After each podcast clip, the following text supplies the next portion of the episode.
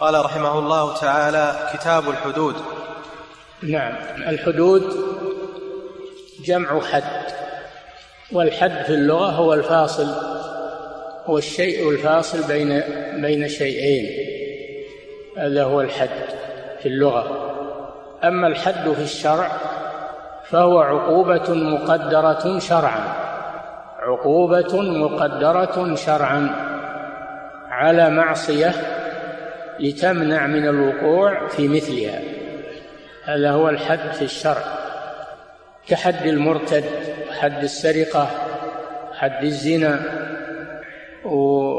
وحد شارب الخمر. فالحدود هي العقوبات المقدرة من قبل الشارع. أما العقوبات التي لا تقدير فيها من قبل الشارع هذه تسمى بالتعزيرات. تسمى بالتعزيرات. هذه مردها إلى الحاكم هو الذي يجتهد فيها ويقرر ما يناسب الجريمة في كل وقت وفي كل حالة بحسبها. أما الحدود فلا يزاد فيها ولا ينقص لأن الله فرضها وقدرها سبحانه وتعالى فيجب أن تنفذ ولا يتدخل فيها بشيء.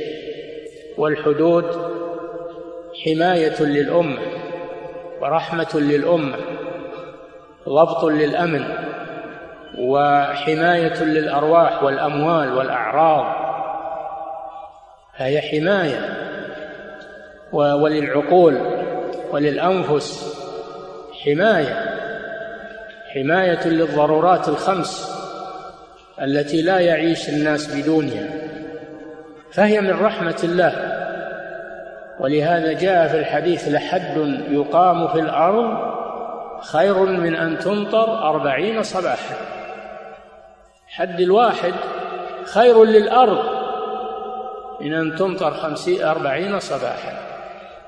حدود رحمة وفيها أمن واستقرار وفيها حزم وفيها ضبط للأمن فيها حكم عظيمة عكس ما يقوله الكفار ويجاوبهم أو يتجاوب معهم الجهال من أبناء المسلمين أو من الزائغين ويقولون الحدود وحشية الحدود في الإسلام وحشية يسمونه قطع الأطراف أو قتل الأنفس هذه وحشية ولا يرون أن الجرائم وحشية. ينسون الجرائم يقولون الحدود وحشية. لكن الجرائم هذه وحشية؟ الزنا والسرقة وقتل النفس وشرب الخمر هذه وحشية؟ هذه هي الوحشية الصحيحة. فالحدود إنما جاءت لمنع الوحشية وليست وحشية هي لمنع الوحشية. فكيف ينظرون إلى الجاني ويرحمونه؟ ولا ينظرون إلى المجني عليه. والمعتدى عليه ولا يرحمونه لكن هذا إما من أجل الزيغ والضلال لأجل أن يضلوا المسلمين عن دينهم وإما نتيجة الجهل بالله عز وجل وبأحكامه وشرائعه. وإلا فالمؤمن لا يتفوه بمثل هذا الكلام ولا ينتقد الحدود. ولا ينتقد الأحكام الشرعية الواردة في كتاب الله وسنة رسوله صلى الله عليه وسلم وإنما يرضى ويسلم ويعتبرها رحمة له وللأمة. وليست قسوة كما يقولون ليست من القسوة بل هي من الحماية بل هي من الحماية في المجتمع. هذه هي الحدود. في الشرع. نعم. وعن أنس بن مالك رضي الله تعالى عنه قال قدم ناس من عكل أو عرينة. عكل, عكل. قدم ناس من عكل أو عرينة فاجتووا المدينة فأمر لهم النبي صلى الله عليه وسلم بلقاح وأمرهم أن يشربوا من أبوالها وألبانها فانطلقوا.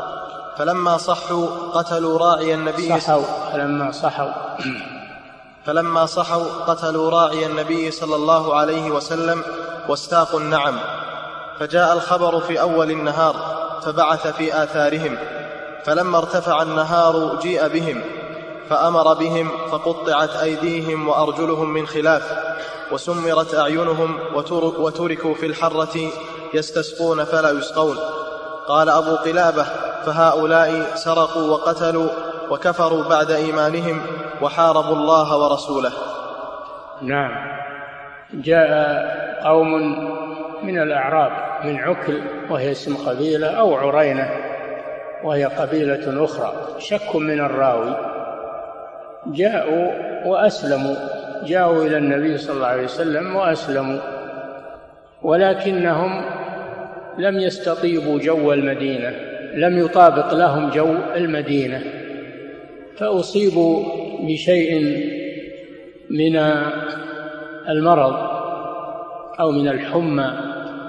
النبي صلى الله عليه وسلم الرؤوف الرحيم بأمته أحسن إليهم وأمرهم أن يلحقوا بإبل الصدقة إبل الزكاة التي مع الراعي مع راعي النبي صلى الله عليه وسلم في البر من أجل العلاج أن يشربوا من أبوالها لأن أبوال الإبل فيها علاج للحمى ويشرب من ألبانها من ألبان الإبل وفيها غذاء.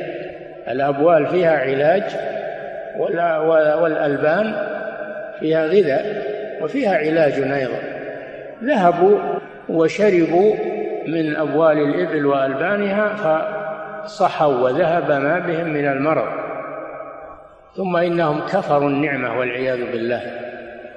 وأنكروا إحسان النبي صلى الله عليه وسلم إليهم فقتلوا الراعي ولم يقتلوه قتلة عادية بل قتلوه ومثلوا به وسملوا أعينه بالمسامير وتركوه بدون ماء حتى مات حتى مات. فلما بلغ النبي صلى الله النبي صلى الله عليه وسلم خبرهم أرسل في طلبهم فجيء بهم عند ارتفاع النهار. فالنبي صلى الله عليه وسلم بادر بتطبيق الحد عليهم وفعل بهم مثل ما فعلوا بالراعي. هذا هو العدل. فعل بهم مثل ما فعلوا بالراعي. لأن قطع أيديهم وأرجلهم من خلاف وسمل أعينهم يعني ضربها بالمسامير حتى تفقأت. وتركهم في الحرة يطلبون الماء فلا يسقون حتى ماتوا. هذا من القصاص.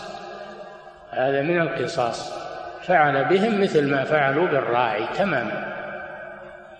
قال أبو قلابة راوي الحديث التابعي هؤلاء هؤلاء جمعوا جرائم قتلوا الراعي وساقوا الإبل وارتدوا عن الإسلام وحاربوا الله ورسوله. هذه حرابة. هذه هي الحرابة وقطع الطريق. فهم جمعوا عدة جرائم فناسبتهم هذه العقوبة الرادعة الحاسمة.